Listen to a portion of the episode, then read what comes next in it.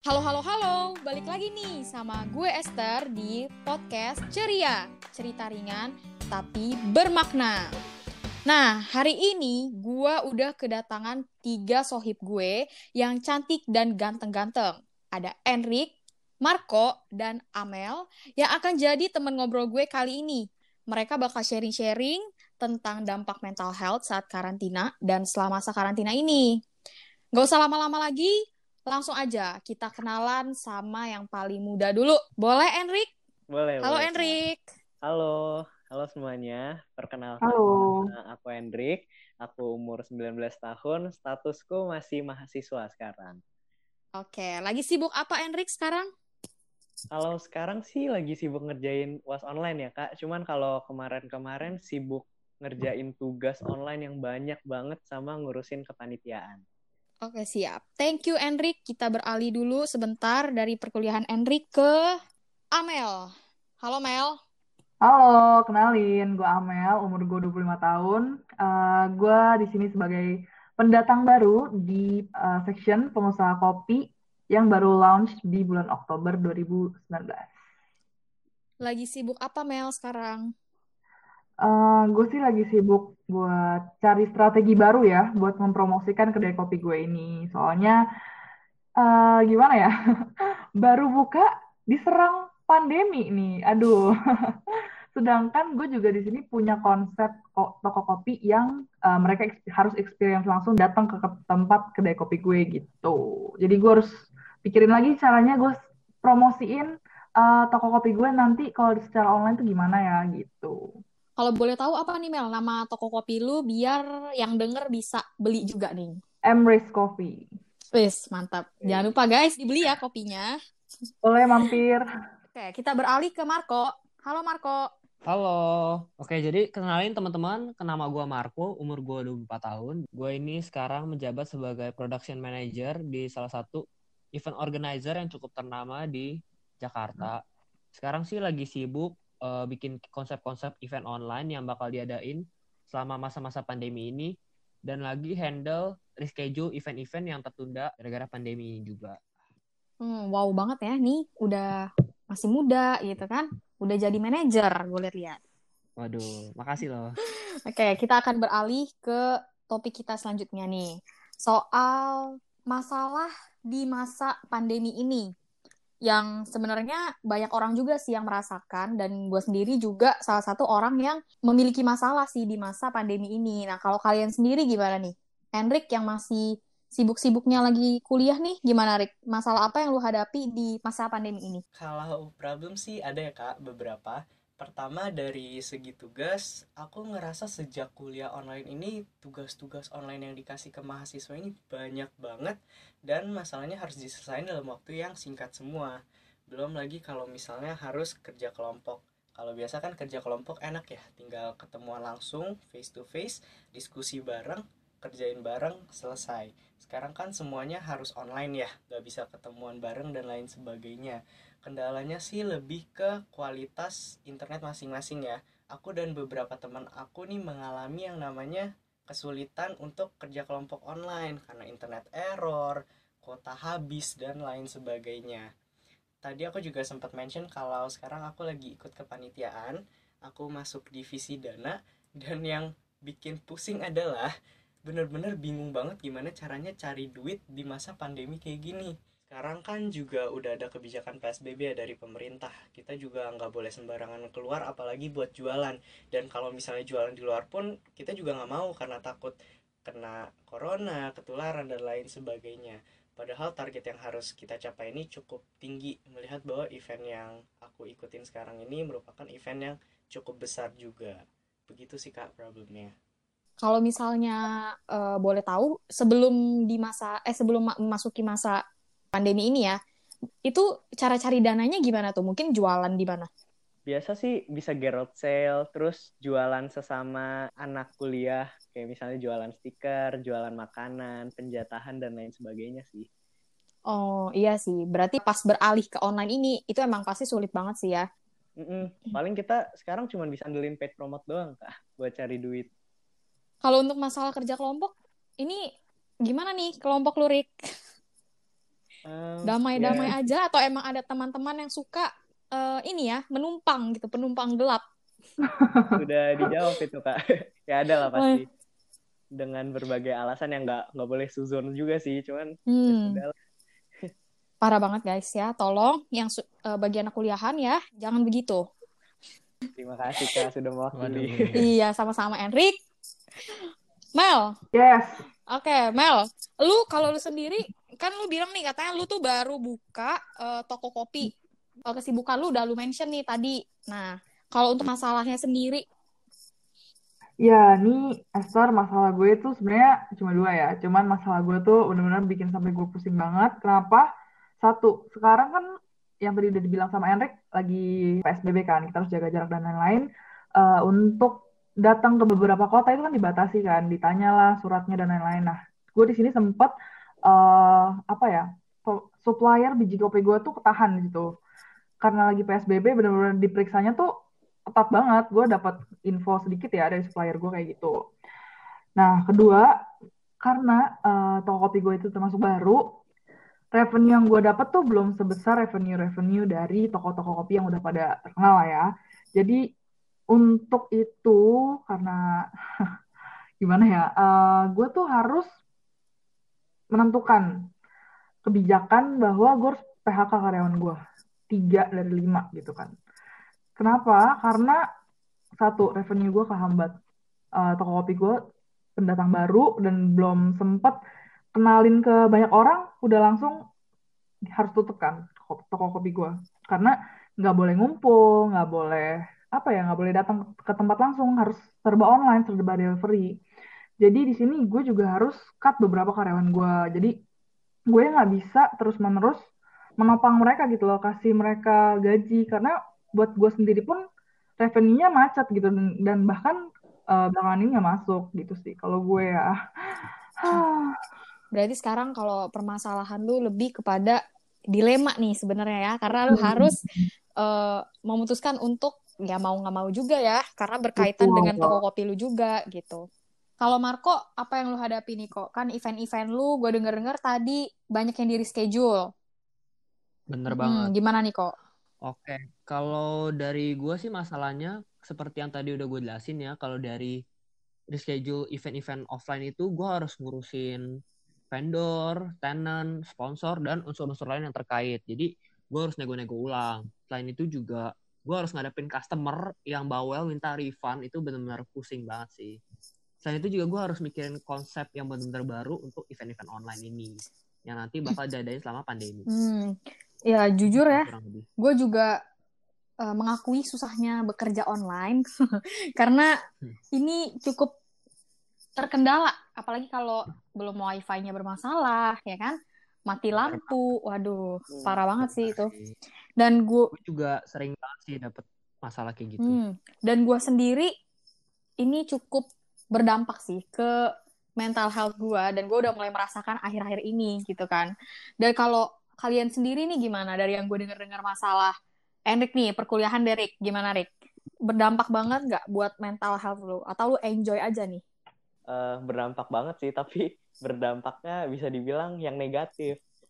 Aku sendiri ngerasa lagi stres berat, stres banget karena banyak kerjaan kemarin-kemarin, terus banyak pikiran juga yang bener-bener bingung cari jalan keluarnya kayak cari duit buat event tadi. Terus belum lagi stres ngelihat berita-berita yang kasih lihat orang-orang bukannya PSBB malah ngumpul bukannya social distancing, physical distancing, malah ketemuan dan lain sebagainya. Itu bikin stres sih, stressful banget. Sampai aku tuh udah masuk ke tahap insomnia. Bener-bener meskipun badan capek, otak capek, nggak bisa tidur. Baru bisa tidur tuh sekitar jam 2 atau 3 subuh. Dan kalau tidur pun ngerasanya kurang berkualitas gitu loh, Kak. Kayak rasanya tidur tapi otak tuh masih jalan, otak tuh masih kerja karena capek tadi, karena banyak kerjaan, karena stres dan lain sebagainya, aku ngerasa jadi lebih emosional sih, lebih sensitif, lebih gampang emosi, lebih gampang kecewa, lebih gampang gak mood terhadap hal-hal yang kecil. Kalau ngaruhnya segitu sih, Kak. gue agak eh, merasakan hal yang sama ya mungkin ada kayak insomnia itu gue juga merasakan sih Mm-mm. jam tidur gue parah berantakan banget jam 3 jam 4 baru tidur gitu kan tapi besoknya harus tetap kerja kan harus tetap produktif kita nih teman-teman Betul.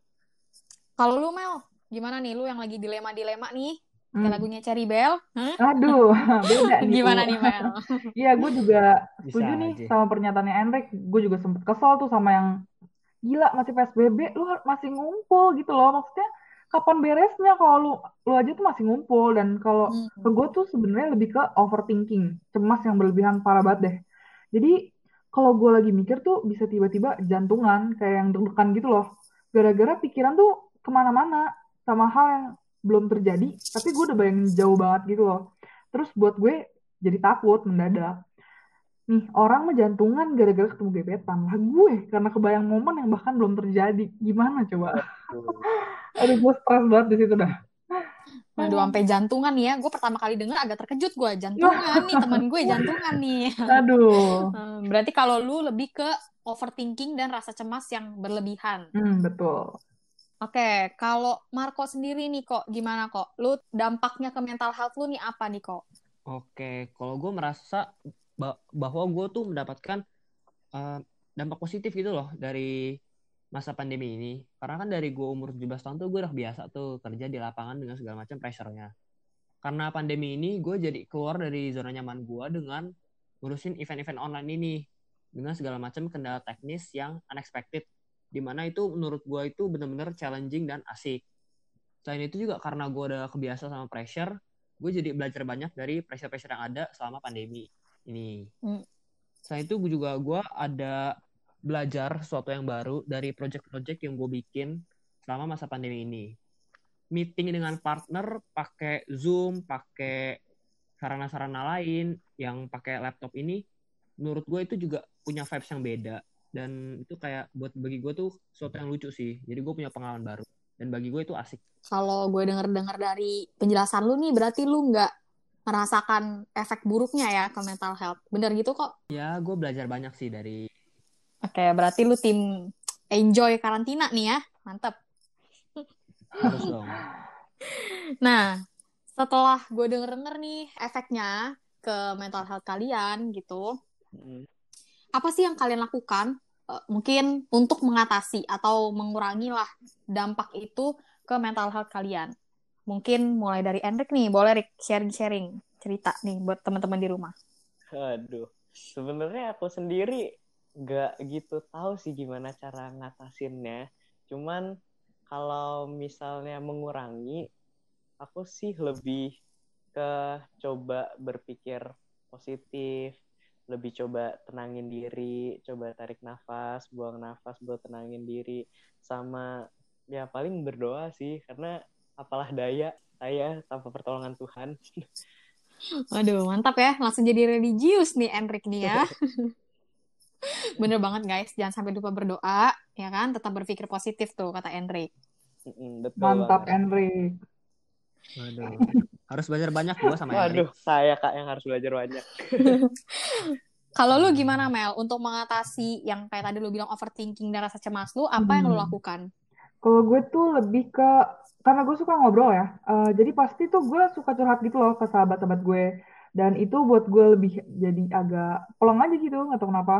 Sama paling gue tuh eh, nonton sih ya, nonton series gitu yang apa tuh yang bisa bikin lu nangis lah, seneng lah. Itu bener-bener jadi emosi lu kan jadi nyala lagi gitu loh, jadi excited gitu.